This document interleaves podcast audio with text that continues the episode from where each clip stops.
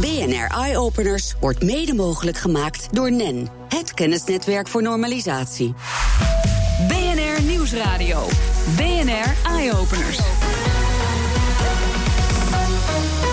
Schut. Er zijn nog geen goede detectiemiddelen beschikbaar voor nachtelijke epileptische aanvallen bij kinderen. Voor ouders betekent dat veel ongeruste nachten, want er bestaat altijd de kans dat je een aanval mist met alle nadelige gevolgen van dien. Gelukkig is er nu een systeem ontwikkeld dat daar verandering in kan brengen. Mark Bloemendaal van Livershirt is een van de mensen achter het ontwerp van de Nightwatch. Welkom. Dank je. Um, die detectie van epileptische aanvallen bij kinderen, hoe wordt die nu gedaan? Die nachtelijke aanvallen? Nachtelijke aanvallen. Um, er, zijn, er is één uh, zo-zo werkende oplossing. Dat is een soort mat die ja. uh, onder, het, uh, onder het kind gelegd wordt. Um, en verder uh, wordt er veel gewerkt met een camera of een, een, een, zuurstofmeter, maar die reageert heel traag. Dus er zijn eigenlijk nog geen echte goede oplossingen. Nee, Ja, even, het beste van al die apparaten is dan die mat, denk ik. Hè, van wat er tot nu toe dan is. Wat doet die precies? Nou, eigenlijk het beste zijn de ouders zelf. Okay. Wat nu ja. het effect is, en daarom uh, is er ook niet zoveel rust s'nachts... is dat de ouders uh, zelf maar niet slapen... of dat het kind bij de ouders op de kamer ligt... of een van de ouders om de beurt bij, de kind, bij het kind op de, op, op de kamer ligt... Dus het wordt zeg maar op een beetje ja, met, de, met de, roem, de, de, ja. de riemen die er zijn opgelost. Ja, ja, ja, en met alle, alle gevolgen van dien. Want dat heeft natuurlijk een enorme impact op uh, het leven van iedereen... als je op die manier dat moet gaan inrichten. Uh, de, de Nightwatch zou dan de oplossing moeten brengen. Uh, je hebt hem hier liggen. Ja. Het, ja, het is een soort heel groot uitgevallen polshorloge, zouden we kunnen zeggen. Precies. Een armband. Precies, hij gaat dus niet op de pols. Oké, okay, hij gaat om de bovenarm? Ja, hij is bedoeld voor de bovenarm. Op de biceps, daar plaats je hem. Dat is ook de beste plek s'nachts, tijdens het slapen. Waarom? Um, dan lig je er het minste op. Oké. Okay. En, uh, en de bewegingen van de bovenarm zijn net even wat rustiger dan in een pols. Plus dat we veel beter ook de hartslag kunnen meten in de bovenarm ten opzichte van een pols. Uh, de polsmeters die er nu zijn, zijn ook een stuk nauwkeuriger. Of onnauwkeuriger. Ja, onnauwkeuriger. is beter. Oké. Okay. De, de, de pols wordt eigenlijk beter gemeten in de bovenarm. De hartslag. De nou, hartslag, ja. De, ja, ja we noemen arm, dat vaak zelf hetzelfde, de pols en de hartslag. Maar, ja, nou ja. de, gelukkig is het hart boven bij je arm hetzelfde als bij de pols. ja, inderdaad. En sowieso dichterbij. Maar uh, die hartslag, dat is dus belangrijk. Dat is een heel belangrijk element in uh, het voorspellen van een epileptische aanval. Klopt. Nou, eigenlijk is het niet de hartslag zelf alleen. Uh, het gaat om de verandering ervan. Dus okay. bepaalde patronen van hartslag, uh, hartritmeverandering die zijn gekoppeld, hè, daar is wetenschappelijk onderzoek naar gedaan, die zijn gekoppeld aan het wel of niet hebben van een, uh, van een aanval. Want wat gebeurt er met de hartslag van een kind dat een epileptische aanval krijgt? Ja, die gaat variëren. Hè. Die wordt of trager of die wordt sneller. Maar het gaat om een bepaald patroon. En wij kijken dus naar uh, als basis zeg maar, het hartritme. Maar vervolgens zoeken we daarnaar bepaalde patronen. Waar wetenschappelijk onderzoek door het UMC en SEIN en Kempenhagen... Ja. die hebben aangetoond dat dat uh, bij bepaalde aanvallen dus iedere keer voorkomt. En dan wel helemaal aan, juist aan het begin. Dus dat je op vroeg okay. kunt uh, constateren. Ja. Maar, maar, maar je zegt de hartslag wordt of langzamer of sneller. Ja. Dus het zijn ook nog eens verschillende patronen die je kunt ja. krijgen. Ja, zijn verschillende en, verschilt dat per persoon of ook per aanval? Nee, dat verschilt per aanval. Maar ook daar zit weer. Kijk, wij zoeken algoritmes. En die hebben we ook samen met die instituten gevonden. Dat wij uitspraken kunnen doen. En dat is ook ons doel. Dat we een, in feite een oplossing hebben voor 70, 80 procent van de patiënten. Okay. En dan specifiek voor de gevaarlijke, hè, voor de aanvallen die s'nachts aandacht nodig hebben. Ja, ja. Uh, ik bedoel, epilepsie is een verzamelnaam voor 2.500 verschillende aandoeningen. Zoveel. Ja, dat, dat zal niet iedereen zich realiseren, denk ik. Nee, het is nee. echt een verzamelnaam. Ja. Het is natuurlijk heel complex ja. uh, boven je hoofd.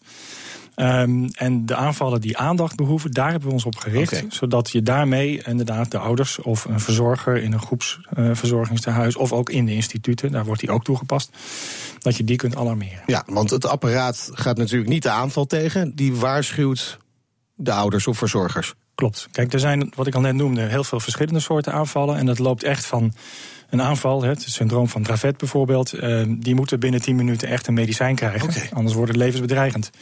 Uh, maar ook andere aanvallen kunnen zeg maar uit de hand lopen in een zogenaamde status epilepticus. Uh, en dat betekent dat de aanval in feite niet meer zelfstandig ophoudt. Dus dan moet je ook medicijnen toedienen om dat te helpen. Ja, en herkent dat apparaat ook de liver shirt, herkent uh, die de verschillende soorten aanvallen? Nee. Uh, Oké, er gaat gewoon een alarm af. Ja, ongeacht precies. wat voor aanval het is. Precies. Kijk, dat is het tweede kastje. Ja. dat staat draadloos in verbinding dan met het bovenarmkastje. Dat staat dan bij... een Bluetooth-verbinding of iets dergelijks? Nee, juist niet. Oké. juist niet. Want Waarom we willen een grote bereik. Okay. We willen naar de slaapkamer toe. En we vonden het ook niet betrouwbaar genoeg dat er te veel andere Bluetooth-apparaatjes in de buurt kunnen okay. zijn. Dus wij maken gebruik van een hele robuuste, ja, de oude draadloze telefoon thuis, de dektelefoon. Ja. Die hebben wij hier ingebouwd. Ah, En dat is een gegarandeerde band en uh, heel erg veilig. Oké, nou zei je al dat uh, uh, ongeveer 70% van de gevallen kan hiermee geholpen worden, hè? 70, 80 procent. Dat, dat zien we nu in de klinische trials. En dat gaat om, om, om mensen, kinderen? Ja, ja. We hebben nu we zitten nu in fase 3 van de clinical trial. We hebben inmiddels zo'n 5000, 6000 nachten opgenomen helemaal. Video, audio en alle signalen, hartslagsignalen. En ook de bewegingssignalen, die gebruiken we ook. Um, en daarmee hebben we dus het algoritme bewezen dat dat werkt. Oké. En we zitten nu uh, boven de 90% gevoeligheid. Dus dat van de, de aandachtbehoevende aanvallen pakken we er minstens 90%, 9 van de 10. Oké. En dus het is uh, niet helemaal foutloos? Nee, dat kan niet. Oké, dat, dat, kan echt, dat is onhaalbaar? Nou, het is een uitwisseling. Kijk, dat kan wel, maar dat betekent dat hij uh, ook bij hele lichte verstoringen afgaat. En ja. dan krijg je zeg maar te veel wat wij noemen false positives. Aan de andere kant kun je ook Heb je alsnog slapeloze nachten omdat hij om de haverklap afgaat? Exact, ja. exact. Of te veel. En, ja, um, en dan moet je ook nog realiseren dat het aantal aanvallen... we hebben in de clinical trial hebben wij, en dat zijn wel extreme patiënten uh, gezien... die tien aanvallen per nacht hebben. Maar dat varieert tot één per twee maanden. Ja, ja. Dus okay. er zit een enorme bandbreedte tussen. Uh, uh, ja, dus het hangt heel erg aan af. Dus, dus de vraag is straks over, daar gaan we ook een onderzoek nu gaan doen. In, in juli gaan we dat draaien, gaan we bij 50 families... gaan we het apparaat thuis neerzetten... en dan gaan we echt meten wat het voor hen doet. Oké. Okay. Want die techniek is leuk, maar daar gaat het niet om. We gaan letterlijk meten of ze er rustiger door slapen. Ja, nou, dat zou wel heel mooi zijn als dat inderdaad gebeurt. Maar, maar nog heel even, want er zijn zoveel variabelen als ik het goed begrijp. Hè. Mm -hmm. de, de, de, soorten aanvallen zijn verschillend, soort hart, hartslag is verschillend. Uh, de, de, de, hoe, beweging. De beweging is verschillend. Uh, hoe, hoe vaak een, ja. een, kind geconfronteerd wordt met zo'n aanval ja. is verschillend. Kan Klopt. elke nacht zijn, bij wijze van spreken, kan één keer per maand zijn. Ja. Moet je dat dus inderdaad heel erg maatwerk afstellen van uh, de liver shirt om te zorgen dat het zo'n goed mogelijk effect heeft? Nee. Oh. Dat is het goede nieuws. Oké, okay. nou dat is inderdaad wel weer positief. Je hoeft hem alleen maar aan te zetten. Kijk aan, dat, hij leert het zelf. Ja, het algoritme. Dat zit, dat zit in de algoritmes. Daar hebben we juist de afgelopen twee jaar zoveel metingen voor gedaan. En heel veel knappe koppen van UMC, Zijn en Kempenhagen hebben zich daarop uh, stuk gedacht. En uh, ja, daarom, want we willen het product zo simpel mogelijk maken. He, dus dat straks uh, ja, haal je het armbandje van de lader en doet hem om, dan staat hij aan. En s ochtends haal je hem er vanaf en doe je hem op de lader, staat hij uit. Ja. En dat is het einde van de gebruiksaanwijzing. Kijk, geweldig. De, de, volgende test is, zoals je zei, 50 gezinnen Klopt. die zo'n apparaat verstrekt krijgen. Ja. En, en daarna, want dan krijg je weer opnieuw een hoop data binnen natuurlijk. Ja, klopt, maar dat is de gebruiksdata. We zijn nu tot en met ongeveer september, oktober met de derde fase van de clinical trial bezig. Ja. Dus hij staat nu bij 14, 15 kinderen ook thuis. En dat is uh, met een heel meetapparaat erbij, dus met een video erbij, alles ja. opnemen. Dus dat betekent dat epilepsieverpleegkundigen gaan echt door de video heen elke nacht. En gaan dat dan eiken. Dus dan weten we precies of het terecht was of niet terecht was. Ja. Noem maar op. Daarmee sluiten we dat af. Dus als september, oktober. En in juli gaan we dan met een grote, uh, in, feite de effectstudie bezig. Ook economisch effect, want dat willen de zorgverzekeraars graag weten. Maar ook het echte sociale effect. Ja. Wat doet het nou in de relatie tussen de verzorger uh, en het kind of de patiënt? Want hij is ook voor volwassenen, dus het is okay. niet alleen voor kinderen. Uh, wat doet het met de arts? De relatie tussen de ouders of de verzorger en de, de dienstdoende arts. Dus daar zijn we allemaal naar aan het kijken van wat, wat levert het hele ding nou op in het hele zorgsysteem. Ja. Nou, uiteindelijk uh, zullen mensen die hier mee te maken hebben en nu luisteren, willen dat het zo snel mogelijk komt natuurlijk. Ja, ja. Nou, een mooi teken daarvan. We hebben onlangs een crowdfundingactie uh, ja. gedaan. Nou, die is inmiddels afgesloten, maar is heel succesvol okay. gegaan. Dus daar hebben de eerste 130 mensen zich op ingetekend. En dat was allemaal uh, zelf betalen, 1000 euro. Uh, dus dat geeft ook wel aan ja, wat de noodzaak is. Dankjewel, Mark Bloemendaal van Livershirt. En heel veel succes met de verdere ontwikkeling van de Nightwatch. Hartstikke bedankt. En we gaan uh, even kijken wat we straks gaan doen. De Amsterdam Arena gaat uh, file en chaos te lijf met een pop-up verkeerscentrale. BNR Nieuwsradio. BNR Eye-Openers. Afgelopen zaterdag was er topdrukte in het Arena-gebied. De toppers traden op in een uitverkochte Johan Cruijff Arena. Zo mogen we het tegenwoordig noemen. Anouk in een uitverkochte Ziggo Dome. En Eddie verder in een uitverkochte Avans Live. Hoe zorg je ervoor dat het niet volledig vastloopt met auto's, treins, eh, treinen, eh, bussen, eh, metro's en dergelijke? De Amsterdam Arena, nou zeg ik het even zoals het hoort, nu nog, deed het afgelopen weekend met behulp van een pop-up verkeerscentrale met een repertoire aan digitale instrumenten en data. En Hilde Salverda, die kan er alles over vertellen. Uh, operationeel directeur van de Amsterdam Arena. Hoe is het gegaan afgelopen zaterdag? Nou, het is heel goed gegaan. Uh, we hebben hier eigenlijk al een hele tijd proef meegedraaid. En we zijn nu op een punt beland dat we ook echt uh, goede resultaten zien. Dus uh, het is goed gegaan. Want hoeveel mensen waren er afgelopen weekend rondom die arena? Nou ja, buiten het reguliere publiek, wat daar natuurlijk ook komt voor de, voor de winkels, eh, de bioscoop en de horeca. Maar hadden we toch bijna 100.000 mensen in, in totaal die voor die drie evenementenlocaties onze kant op kwamen. Ja, en die komen allemaal op verschillende manieren natuurlijk. Nee, dat kan eh, met, uh, met de fiets met de, of te voet, maar veelal met de auto en het openbaar vervoer. Toch wel, hè? Ja. ja. ja. Uh, dan heb je een uh, verkeerscentrale, pop-up verkeerscentrale. Om die te laten slagen moeten alle partijen natuurlijk vervoer, verkeer, veiligheid allemaal samenwerken. Hoe moeilijk is dat eigenlijk?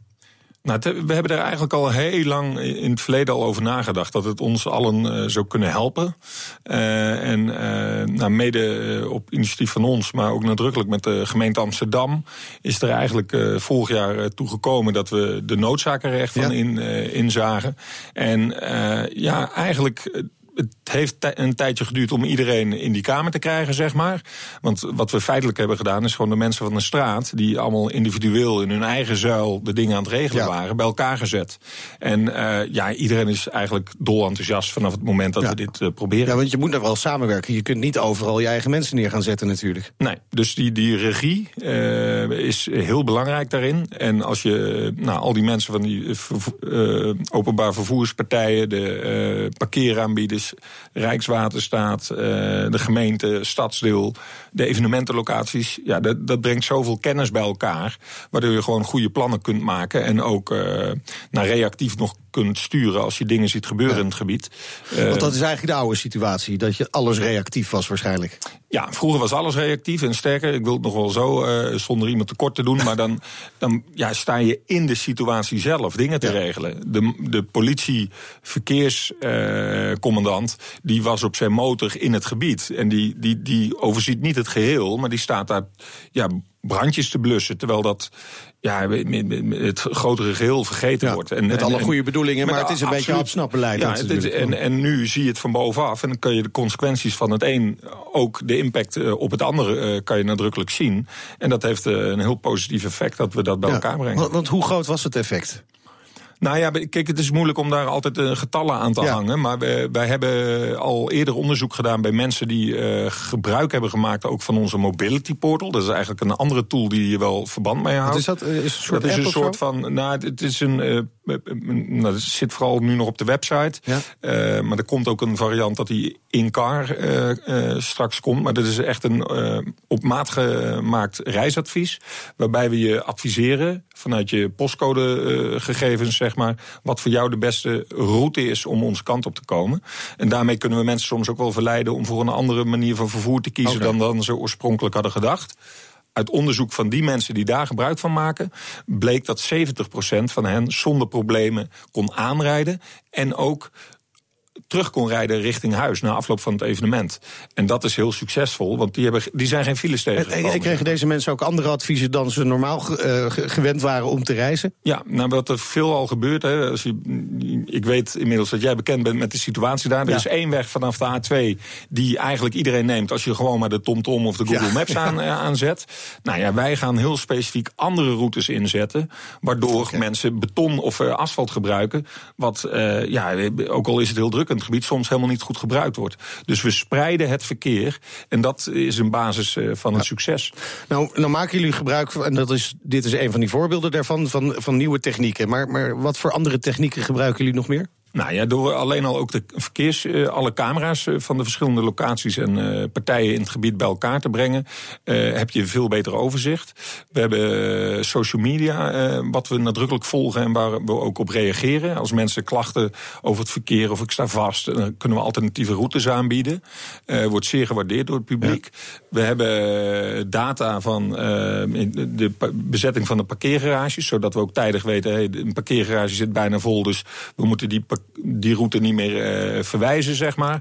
Dus ja, al die informatie die er is, uh, die proberen we te koppelen en daar uh, conclusies uit te verbinden. Ja. En, en, ook een voorspellend karakter. We gaan uiteindelijk is bedoel, de bedoeling dat wij weten op basis van postcodegegevens van de bezoekers die op ons afkomen van waar de drukpunten zitten en hoe we ons daar zo goed mogelijk kunnen Dus zelfs al was er uh, afgelopen weekend misschien geen effect te zien geweest, dat was er wel, zeg je, mhm. maar zelfs al was dat er niet, heb je nu zoveel data binnen dat je de volgende keer misschien nog dingen anders kunt doen, waardoor ja, het leren, nog beter... Wij leren ieder evenement weer. Okay, en, uh, u spreekt net nog ook over een pop-up. We hebben eigenlijk besloten dat het uh, vanaf evenementen met 30.000 bezoekers of meer, dat we dit gewoon standaard... Dus eigenlijk in ieder geval elke wedstrijd van Ajax is dit er? Ja. Want daar kunnen 50.000 mensen ongeveer in de, de arena. Klopt. Ja. Um, nou is er dit gaat met name om het naar dat gebied toe gaan. Maar het gebied uit, dat gebeurt ook allemaal ongeveer tegelijkertijd. Is, is, dat, is dat misschien nog wel een grotere uitdaging? Ja, dat klopt. Die is nog lastiger. Uh, de aanvoer uh, loopt inderdaad veel meer geleidelijk. En uh, na afloop hebben we een grote uitdaging om de mensen in één keer weg te krijgen. Goed, er valt nog veel te leren, maar het is in ieder geval weer een mooie stap gemaakt. Dankjewel. Hidde Zalverda, directeur operationeel van de Amsterdam Arena. BNR Nieuwsradio. BNR Eye-Openers. Meindert Schut. Tijd voor de beste technieuwtjes vanuit eh, de hele wereld. En daarvoor hebben we zoals elke week aan de lijn hoofdredacteur van Numbers.nl, Elger van der Wel. Elger, laten we eens even beginnen met nieuws uit Twente. Een uh, ander team van studenten heeft een wel heel betaalbare augmented reality bril gemaakt. Vertel eens. Ja, het is een uh, groep studenten die hebben eigenlijk het idee van de kartonnen virtuality bril bedacht. Die ken misschien wel, zo'n ja. cardboard, kost een tientje of zo. En die hebben gezegd, nou dan maken we een augmented reality bril uh, van. Uh, hetzelfde concept. Alleen het is een stuk lastig natuurlijk. Een augmented reality bril, daar kijk je doorheen en dan ja. projecteer je dingen op de wereld om je heen. Wat ze eigenlijk hebben gedaan is gewoon een, een, een schuin stukje ja, zo'n plexiglas. Daar kijk je doorheen. En via een spiegel projecteren ze daar uh, het scherm van je smartphone op. En op die manier kun je eigenlijk heel simpel ja, soort uh, ja, holografische dingen, elementen in de wereld tonen. Cool. En dit, uh, dit gaat ook een tientje kosten, net zoals dat kartonnen ding waar ik er drie van thuis heb liggen? 30 euro is de bedoeling. Okay, ze halen het met geld, geld op via Kickstarter. Voor 24 euro kun je ze steunen en hopen ze ding uiteindelijk uh, ook de markt op te kunnen brengen. Nou, toevallig zijn de heren van die bril uh, morgen te gast bij BNR Digitaal, dus dan meer daarover. Gaan we naar uh, Google's AlphaGo, want de Go-computer gaat met pensioen nu de top is bereikt. waarom stoppen ze precies? Ja, ze hebben eerder natuurlijk al een echte uh, go-meester, hele goede verslagen vorig jaar. Nu hebben ze nog een wedstrijd gespeeld tegen ja, de beste go-speler ter wereld op dit moment, KG. En uh, ja, die hebben ze ook verslagen met 3-0. En dan is de uitdaging een beetje af. Ze hebben een computer gemaakt die beter is dan welke go-speler ter wereld er ook is. Dus uh, ze zijn klaar. En het team wat erachter zit, achter dat systeem, gaat zich richten op uh, andere kunstmatige intelligentie toepassingen. En dan ook wat nuttigere dingen dan het winnen van een spelletje. Oké, dus we gaan niet naar de Scrabble variant toe. Nee, ze moeten eerder denken aan dat ze bijvoorbeeld uh, gaan kijken naar uh, gezondheidszorg of het uh, terugbrengen van het energiegebruik ter wereld. Allemaal hele serieuze dingen waar ze mee aan de slag willen. Oké, nou, we wachten het af. fitness trackers dan, hè, die zijn goed in het bijhouden van de hartslag. Maar niet in het meten van het aantal verbruikte calorieën. Dat blijkt tenminste uit onderzoek van Stanford University. Hoe hebben ze dat precies onderzocht, Elger? Nou, ze hebben eigenlijk gewoon gekeken wat die dingen meten en wat daadwerkelijk het uh, calorieverbruik van, uh, van mensen die zo'n ding dragen is. En de verschillen zijn groot. Sommige apparaten zaten er 27% na, dat is niet zoveel. Maar er zaten ook apparaten soms 93% nee. in die caloriebepaling ernaast. Nou ja, dan heb je dus helemaal niks aan. Dus het is ook echt wel een soort waarschuwing. Als je serieus zeg maar, bijvoorbeeld gaat afvallen en, en je calorieverbranding en je inname van eten aanpast op, op, op informatie van die fitnesstrekkers, dan ben je niet goed bezig. Kan zelfs echt wel grote gevolgen hebben als je echt voor gezondheidstoepassingen zou gebruiken. Hey, en doen ze ook aan naming en shaming? Uh, nee, ja, ze hebben wel gewoon de hele, de hele bekende lijn uh, Fitbits en Apple Watches en dat soort dingen getest. Um, um, als je misschien het hele onderzoek erbij zou pakken, dan kun je per apparaat nog wel dingen naar voren brengen. Maar het is niet hun bedoeling om, om bepaalde fabrikanten daarin ja, slechter naar voren te laten komen dan anderen. Het gaat gewoon om de hele markt waar een probleem is. Nee, dus die uitslagen van je calorieverbruik met zo'n fitness tracker met een korreltje zout nemen. Er wordt al jaren hard gewerkt aan robotarmen en handen, waarmee mensen die een lichaamsdeel verliezen, bijvoorbeeld, of de controle over een lichaamsdeel verliezen, weer dingen kunnen oppakken. Daar is nu weer een indrukwekkend ontwerp bijgekomen, Elger, die vooral bij het rehabiliteren moet gaan helpen. Hoe werkt dat precies? Ja, het is uh, onderzoek van de Washington Universiteit. Die hebben uh, eigenlijk een onderzoek gedaan naar mensen die een hersenbloeding hebben gehad. Die daardoor deels verlamd raken. Of die toch hun handen weer kunnen aansturen. En wat ze hebben gedaan is als jij je handen wil aansturen, gebruik je je ene hersenhelft. En als je verlamd bent, dan kan het niet meer. Maar het schijnt dat die eigenlijk wordt aangestuurd eerst door je andere hersenhelft. En door die hersengolven met zo'n met zo'n petje met van die draadjes en sensoren op te vangen, kunnen ze dat signaaltje direct naar je, naar je hand sturen. En op die manier via een soort, ja, een soort exoskelet uiteindelijk je hand aansturen. Dat is allemaal nog, weet je, heel wetenschappelijk. Maar het biedt wel hoop voor, uh, voor de toekomst voor mensen die, uh, die deels verlamd zijn door een, uh, door een hersenbloeding. Oké, okay, maar nu moet je dus in wezen nog zo'n zo'n muts met elektroden op je hoofd hebben om dat voor elkaar te kunnen krijgen. Maar in de toekomst hopen ze daar dan een wat kleiner apparaatje van te kunnen maken. Ja.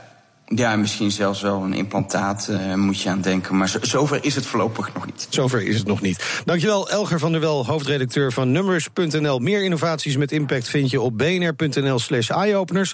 Op Twitter vind je ons via BNR Innovatie. En de hele uitzending kun je natuurlijk terugluisteren als podcast via iTunes en Spotify.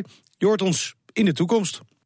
BNR Eye Openers wordt mede mogelijk gemaakt door NEN, het kennisnetwerk voor normalisatie.